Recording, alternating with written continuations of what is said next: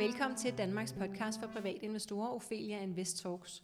Mit navn det er Sara Ophelia Møs, og jeg driver Ophelia Invest og forlader penge med mit skønne og dygtige team. Vores mission det er at skabe rum for læring, og vores vision det er, at alle danskere ved, at investering er på bordet, hvis vi vil det. Strukturen er, at vi udkommer ugentligt om fredagen, og podcasten varer altid omkring 30 minutter. Vores hovedsponsor det er Nordnet og Spotlight Stock Market. I dag skal vi snakke value-strategi, og jeg har fået lov til at interviewe Kurt Kare. Allerførst, Kurt, hej til dig. Hej. Hej. Vil du ikke starte med lige at fortælle en lille smule om dig selv og din baggrund? Hvorfor er det, vi skal lytte til det, du siger? Øhm, man skal jo ikke lytte til det, jeg siger, men, øhm, men man kan sige, det kan være, det kan inspirere lidt. Det kan være, at man kan finde et eller andet, som man måske ikke lige tænkt over. Det er mm. jo i hvert fald sådan, jeg gør, når jeg lytter til nogen. Jeg er jo også, ligesom formentlig dine, øh, dine lyttere, en af dem, der er lidt nysgerrig af sind. Øh, så jeg lytter også meget til, hvad, hvad andre investorer har af, af tanker om, om emnet, fordi investering er jo et stort emne. Øh, så man kan sige, hvis man vil, så kan man lytte, og det kan være, at man får noget ud af det. Det er sådan set, det er sådan set derfor. Jeg tænker, hvis man nu, øh, hvis man nu rigtig gerne vil øh, være value investor, ja. øhm, kunne man så ikke, øh, kan man ikke se, hvad det er for nogle aktier, I har i jeres fonde? Det kan man sagtens. Ja. Vores portefølje er åben som ja. en bog, skulle jeg til at sige. Altså det er, man går ind på hjemmesiden, så ser man, det, det der, og det er vigtigt, jeg understreger det, det er jo ikke, en portefølje er en portefølje, det er ikke det samme som aktieanbefalinger. Nej. Vi har på et godt år, har vi ramt måske 55-58 procent af vores aktier rigtigt. Og nogle gange er det, nede, er det dem, vi ikke har placeret særlig mange penge i øh, toppen, som har klaret sig godt. Som har klaret sig godt, hvor ja. dem oppe i toppen af listen måske har klaret sig dårligt. Og hvor mange aktier har I jeres øh, Vi har 25 til 35 aktier, 25 så vi er meget, vi er meget koncentreret. Ja. Mm. Så, så der er 25 til 35 aktier. Ja, ja. Det vil alle sammen på et eller andet tidspunkt have været value-aktier, men vi ved jo ikke, om I er på nippet til at sælge den, som præcis, vi så lige køber. Præcis. Så, så der det findes, er bare for at sige, at, at man kan måske øhm, godt blive klogere af at kigge på dem, men man kan ikke vide det hele. Ja. Altså, øh, der er nogle, det handler man, om, hvornår man køber og ja. sælger også. Ja. Der er en rød tråd, og den kan man få øje på. Og ja. den røde tråd er, at vi køber selskaber, som mål på price earnings, altså prisen i forhold til indtjeningen, er lav. Det er det ene. Det andet, der er en rød tråd, det er, at vi køber selskaber, der udbetaler udbytter til aktionærerne. Eller måske også og laver aktietilbagekøb på markedet. Altså reducerer antallet af aktier. Det man kan sige er, at en lav, lav P er en god ting, altså høj udbytteprocent og høj aktietilbagekøbsprocent, og så en god kapitalforretning. De fire ting er essentielt set det, vi øh, faktisk går op i, når vi kigger på et selskab. Og øh, det vi godt kan lide, det er selvfølgelig, når vi læser regnskabet, du ved, det er lidt ligesom, hvis du ser, hvis du leder efter en dinosaurus, så kan du gå ud og kigge efter fodspor. Og hvis du ser Mille, min labrador, hendes fodspor, de er ikke så store. Så ved du godt, det er nok ikke en dinosaurus, der er gået her. Men hvis du ser dinosaurus fodspor, selvom du aldrig har set en dinosaurus, så vil du nok kunne sige, at det her er en god kandidat. Yes. Så du leder efter God økonomiske kandidater. fodaftryk er ja. ved at kigge på deres resultater igennem 10-20 år. Mm. Og ud fra de resultater igennem 10-20 år, så siger du, wow, det her, jeg tror, det her det er et fantastisk selskab, det fordi det er en dinosaur. Ja. Og så kigger du på, om prisen er god. Ikke? Okay. Og der er ikke så mange af dem, men når man finder dem, så, så gælder det om at, at Der er 25-35. Det er i hvert fald vores historiske... Øh, I perioder er der flere. Ikke? Altså, efter finanskrisen for eksempel, der svømmede vi rundt i sådan nogle selskaber her. Ikke? Når vi har 25, maks 35 aktier, så er det for ikke at, at sprede afkastet for meget. For jo flere du har nede i din portefølje, jo mindre bliver dit afkast. Så, så det er en måde at tage risiko på. Men det er risiko, vi godt kan lide at tage. Hvad er de typiske fejl, som nybegynder inden for value-investering begår? Det er at købe en value trap. En value trap, ja, nu skal det, ja jeg kan se, at du er så meget bekymret ud der. Hvad betyder det? Ja, det er jo sådan, at gratis ost, det finder du kun i musefælder. Okay. Det er super så, godt forklaret. Du behøver nærmest ikke sige nej, mere. så når noget er meget billigt, så, så siger man, det, det. det, ja, det her det er for godt til at være sandt, og det viser sig, at det var også for godt til at være sandt. Og det er derfor, man ikke kun kan kigge på P1, fordi hvis den bliver for Præcis. lav, og der ikke er nogen af de andre gode ting, Præcis. så er der bare noget galt. Præcis. Ja. Altså når du køber et selskab, fordi prisen i forhold til indtjening er for eksempel 10, som i Microsoft, da vi købte den i 2012, ikke? så køber du den, fordi du siger, jamen det er Microsoft i hvert fald ikke værd. Microsoft er meget værd. Det er måske 20 gange indtjening værd. Det vil sige, at jeg kan lave dobbelt op på den. Bare på, at markedet forstår, at det her selskab er ikke 10 gange indtjening værd, men 20 gange indtjening. Så vel, selv hvis indtjeningen ikke stiger, så kan du lave 100% i afkast. Det næste spørgsmål, du skal stille dig selv, det er så, ja, men hvad nu hvis markedet ved det her, og det er fordi indtjeningen falder 50% de næste fem år? Så har du jo ikke fået den til en price earning på 10, så har du fået den til en optisk price earning på 10, men i realiteten var den 20. Mm. Og det er det, der hedder en value trap.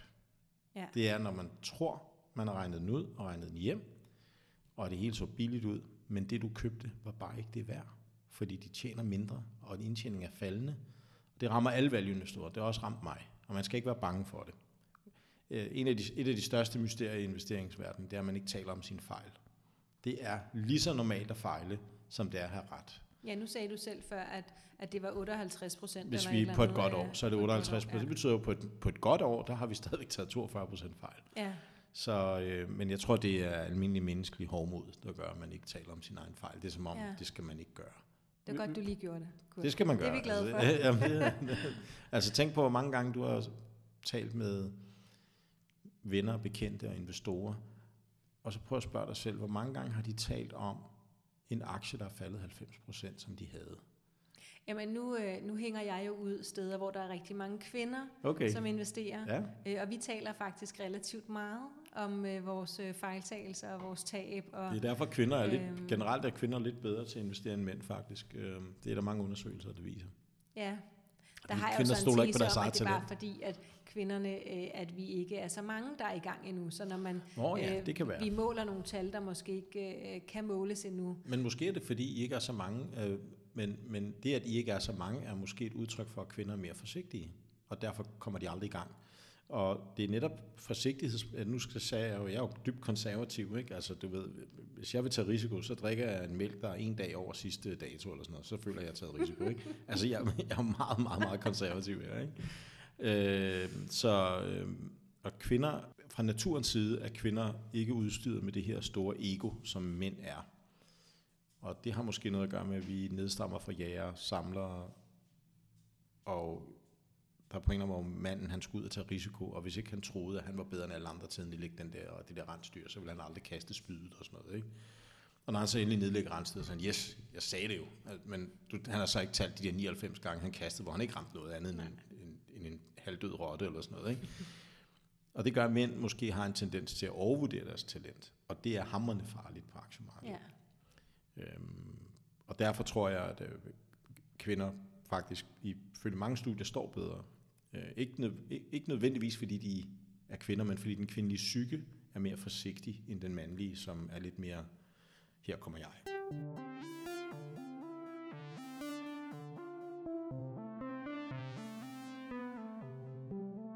Flere taler om, at value-strategien ikke virker lige så godt, som den tidligere har gjort.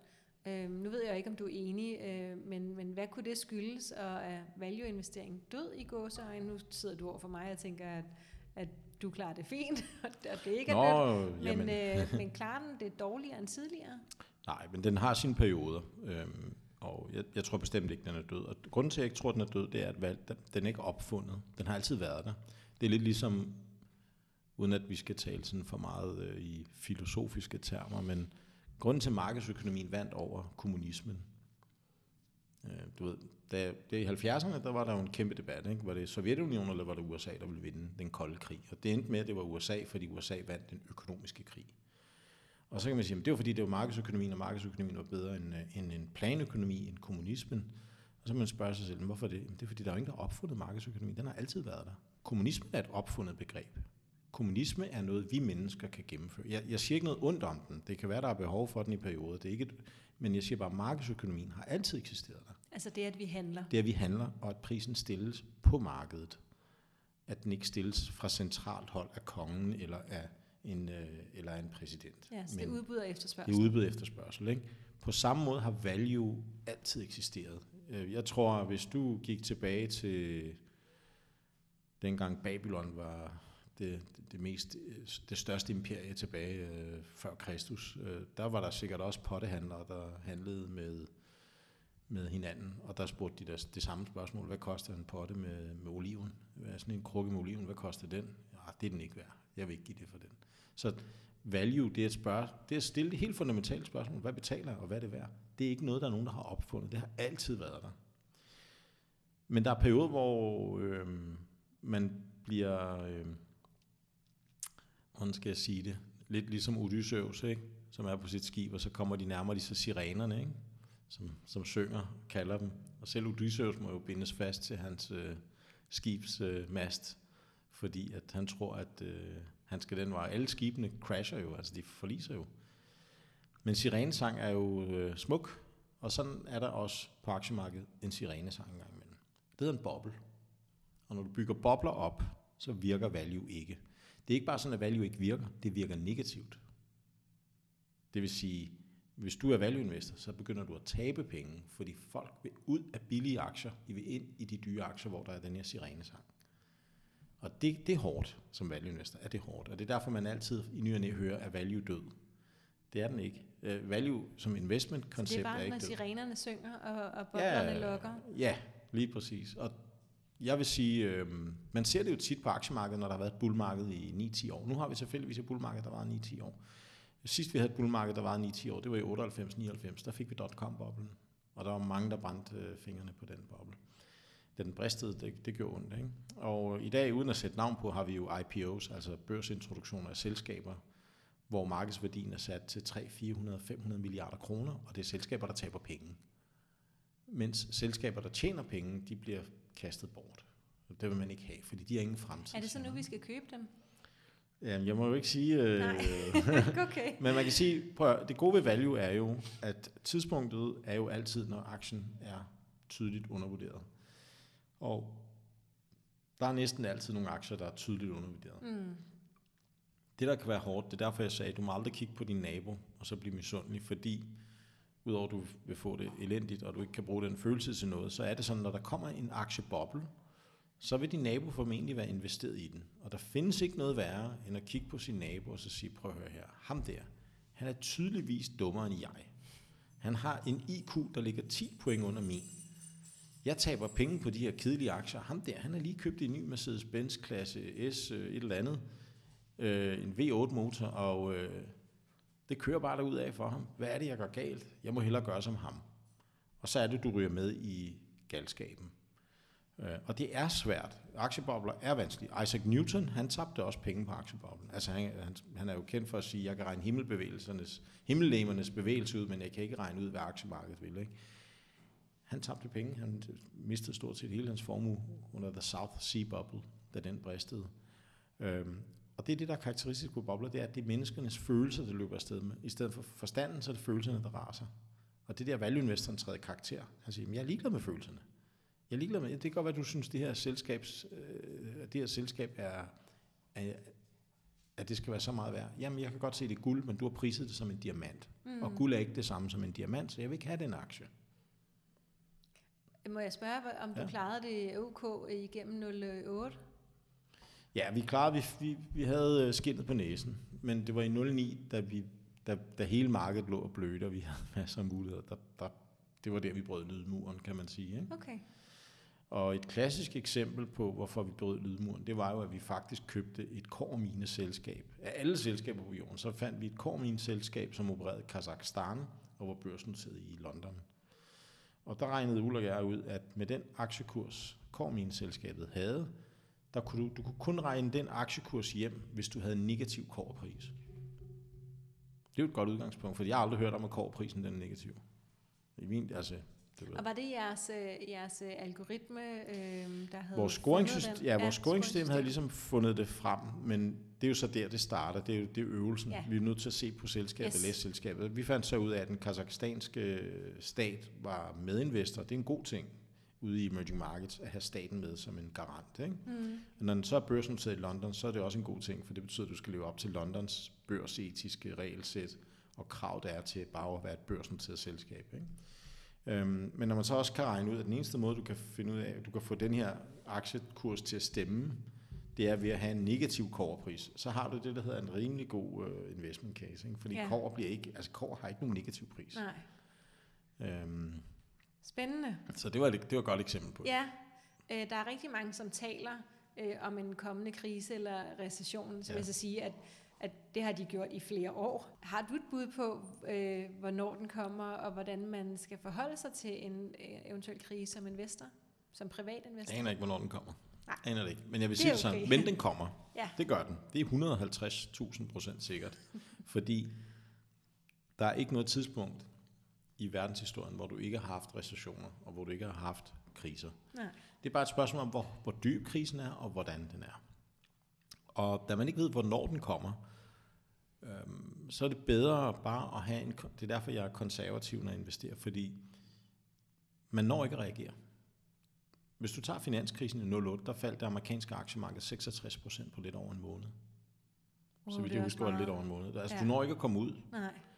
Øhm, inden du, når du er ude, så er du solgt på bunden. Altså, Ja. du ved, det, det er Ja. ikke noget, du kan reagere på. Og i øvrigt, på vej ned, så spørger du hele tiden dig selv, er det nu, man skal købe? Ah, det er nok ikke. Det falder nok ikke mere. Så vågner du dagen efter, så falder det mere, så falder Ja. det mere. Ikke? Så hvad skal man gøre, Kurt? Man skal, man plejer at sige, i value plejer man at sige, it's not timing the market, it's time in the market, der Yes. betyder noget. Den har vi hørt før. Ja. Yes. Så, Så, så vi skal ikke gøre noget, er det det, du siger? vi altså, skal jeg, købe jeg, de jeg, rigtige selskaber, og så beholde dem? altså, jeg kan fortælle, hvad jeg gør. Yes, jeg, tak. ikke? Øh, da jeg startede i 99 med at investere for egne midler, jeg har bare købt mine aktier, og så har jeg bare holdt dem. Og så har jeg skiftet dem ud, hvis jeg så, der var en mulighed for at købe en ny aktie, der var billigere, eller jeg havde en, der var dyrere, så har jeg bare gjort det. Men jeg har, ikke, jeg har aldrig prøvet at time, om jeg skulle have aktier eller ikke have aktier. Det har jeg ikke gjort. Det Så du har betyder, haft det aktier betyder, jeg har haft, aktier uafbrudt. Jeg har ikke haft en obligation i min portefølje. Men, men nu er jeg jo så kurt, og jeg er jo, lidt, øh, jeg er jo fra Vestegnen og vant til, at man kan få en blodtud og så videre. Ikke? Og så rejser man sig op og børster støvet af. Så det, det er fint nok. Vat op i næsen og så videre. Ikke? Yes. Så jeg, jeg har ikke noget mod, at jeg, mine aktier de halverer i værdi. Nej. Fordi jeg tænker, ja, det skal nok komme igen, og det gør det som regel. Men det kunne også være, at det ikke gjorde det. Men jeg er lidt mere hårdfør på den måde. Jeg kan godt tåle de der udsving. Det er ikke noget, jeg kigger på. Fordi jeg, jeg tænker ikke over det til dagligt. Så Så det du er går meget... heller ikke og venter på det tidspunkt, hvor du skal sælge, fordi det skal Nej, du som det udgangspunkt ikke rigtigt. Det sk- nej, altså det, som jeg siger, hvis du tager 100 kroner i dag, så om 20 år, så er de værdiløse. Det har det i hvert fald historisk set været, på grund af Mhm. inflation. Ikke? Og vi tog eksemplet med busbilletten.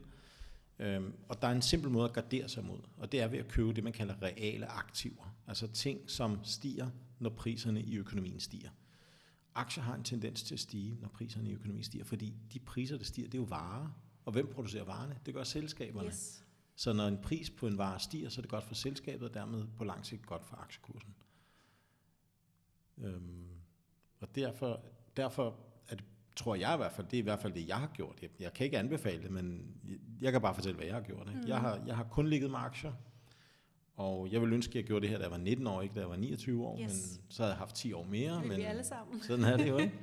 øhm, men, øhm, og, og jeg har egentlig ikke tænkt på, om jeg skulle købe en obligation på noget tidspunkt. Nej. Det har jeg faktisk ikke tænkt på. Ophelia Invest Talks er sponsoreret af Nordnet Markets. Nordnet Markets er Nordens bredeste kortagefri udbud af børshandelprodukter, hvor du kan investere i op- og nedgange i forskellige indeks, råvarer og aktier verden over. Udbuddet omfatter både bull- og bear-certifikater samt mini-futures. Bemærk, at produkterne er komplekse og kræver en god forståelse for de underliggende markeds- og produktspecifikke vilkår og egenskaber. Du kan læse mere på nordnet.dk. Øh, nu ved jeg godt, at du jo ikke opererer sådan med indeks. Øh, vi har fået nogle spørgsmål fra, øh, fra nogle af vores lyttere, og det opfordrer vi jo også altid til. Øh, og et af spørgsmålene er, hvilke indeks skal man investere i, hvis man forventer en krise? Har du et bud på det? Nej, fordi det kommer meget an på, hvilken krise det er. Lad mig give et eksempel. Mm. Øhm, I 08, der havde vi en finanskrise. Det, der gik galt, det var bankerne. Så det, der hed traditionel value, det blev fuldstændig pulveriseret. Så alle de her value-investorer, der sagde, at vi er meget konservative, og vi investerer konservativt, vi køber kun billige selskaber, de blev dræbt, fordi de billige selskaber, de havde, det var bankerne.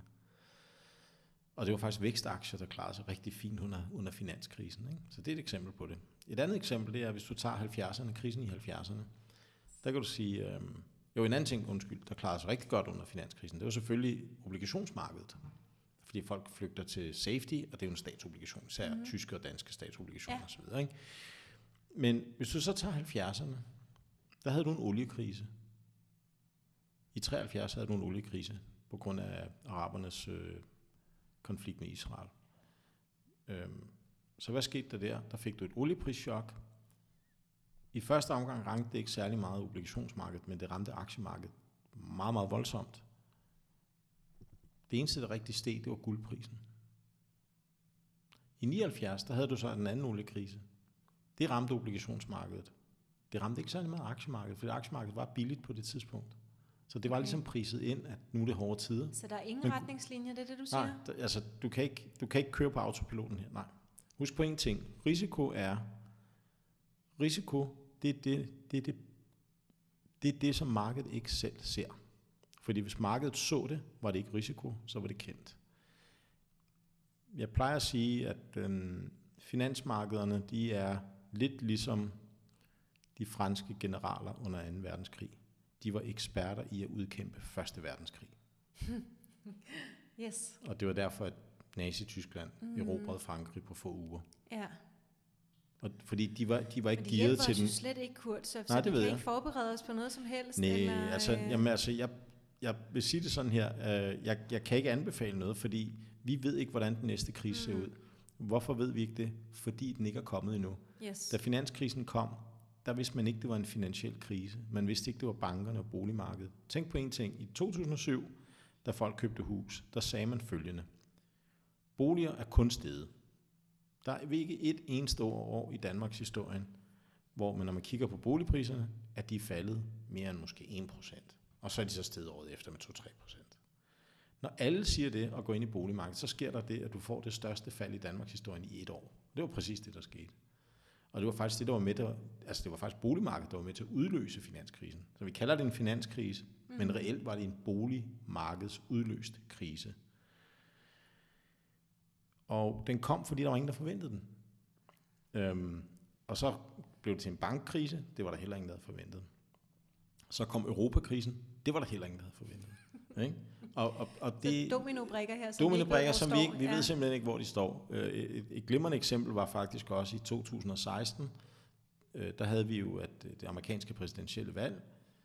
Der var to kandidater, Hillary og Trump. Alle sagde, Hillary vinder. Mm. Og hvis hun vinder, så stiger aktierne. Hvis Trump vinder, så falder de. Det var Trump, der vandt. Det havde de ikke regnet med. Aktierne steg. Det havde de heller ikke regnet med. Så de havde, de havde fejl i begge. Altså, ja. Det er så svært at forudse det her blind spot. Så hvad skal vi gøre, Kurt?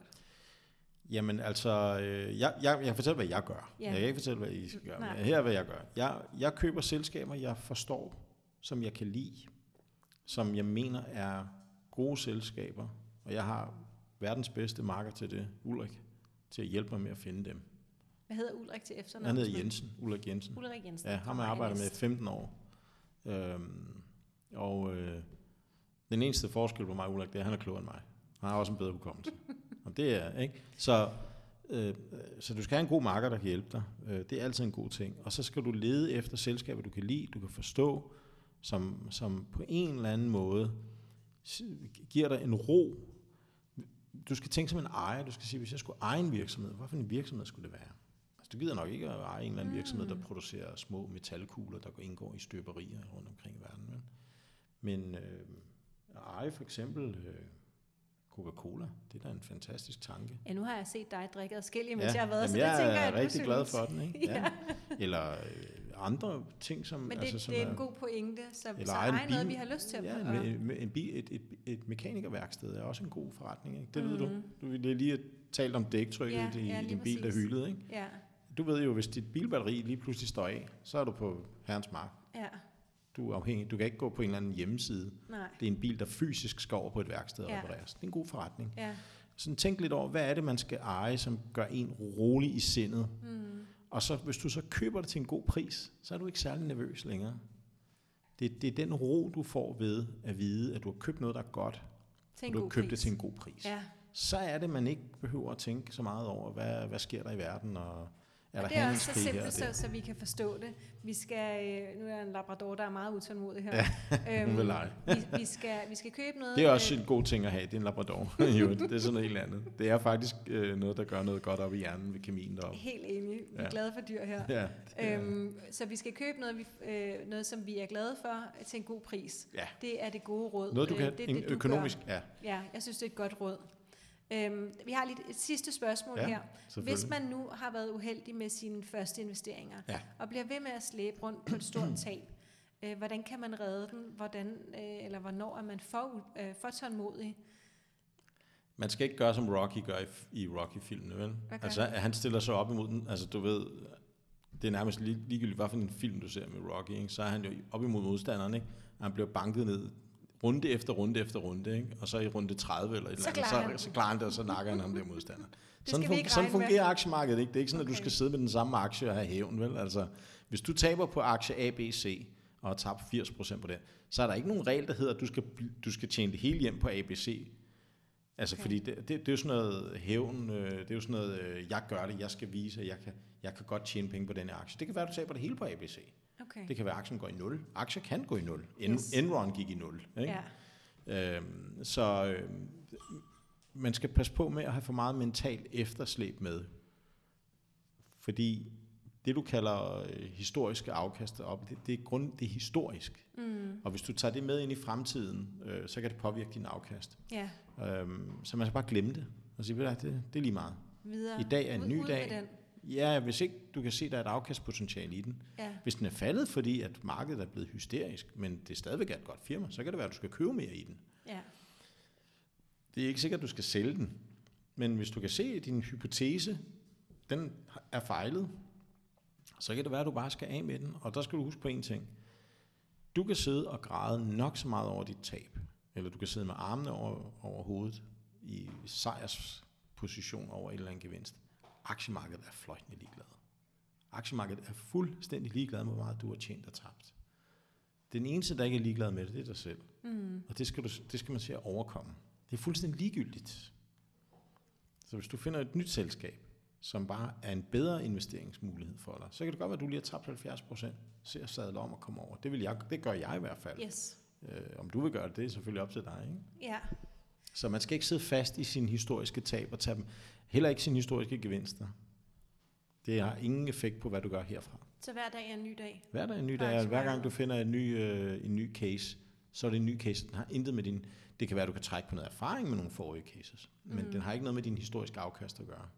Okay, så hver case vigtigt. skal have sit eget øh, vindue? Det skal kunne stå for sig selv. Ja, det er lige før, øh, jeg tror, Bertel Hård, der sagde, at øh, et værk, det er, en, det er en bog. En bog, det er et værk, der kan stå af sig selv. Ikke? Okay. Når du sådan, så ellers er det bare et hæfte, der vælter. Ikke? sådan, ikke? Så er det et værk. Jeg tror, det var sådan, han definerede det. er sådan lidt det samme. Et værk er en bog, der kan stå for sig selv. Ja, den sådan kan stå alene, ikke? så er det et ja. rigtigt værk. Ikke? Godt. eller en bog. Eller hvad, ikke? Ja, ja. Så pointen er her, det er lidt det samme med investeringer. Hver case, du investerer i, skal kunne stå for sig selv. Det øjeblik, den ikke kan stå for sig selv, det er jo ligegyldigt om, hvad du har lavet afkast. Mm. Det er ikke det, der definerer, om casen kan stå for sig selv. Hvis ikke den kan, så skal du finde en ny case. Hvis den kan, og den måske står bedre i dag, end den gjorde for tre år siden, da du købte den, jamen, så kan det være, at du skal købe mere af den. Mm. Så man skal passe meget på med at tage fortiden med ind i fremtiden. Det er farligt. Vi lader fortiden ligge i fortiden. Ja, lige præcis. Øhm, tusind tak, fordi at, øh, at vi måtte stille dig en masse spørgsmål, både mig og lytterne. Ja, selv tak. Øhm, yes. Og tak for de gode spørgsmål, jo. Det var det nogle godt. meget, meget relevante spørgsmål. Det er godt. Du kan følge Ophelia Invest på Facebook, på Instagram og på YouTube. Feedback er altid velkommen. Hvis du har ris, ros eller forslag, så skriv til kommunikationsnabelag.opheliainvest.dk. Du er meget velkommen til at rate os inde på iTunes. Og så er du også velkommen inde i både Aktieklubben Danmark og Kvindelogien Investeret, som er vores to investor communities på Facebook. Og så er der bare tilbage at sige tusind tak, fordi du lyttede med.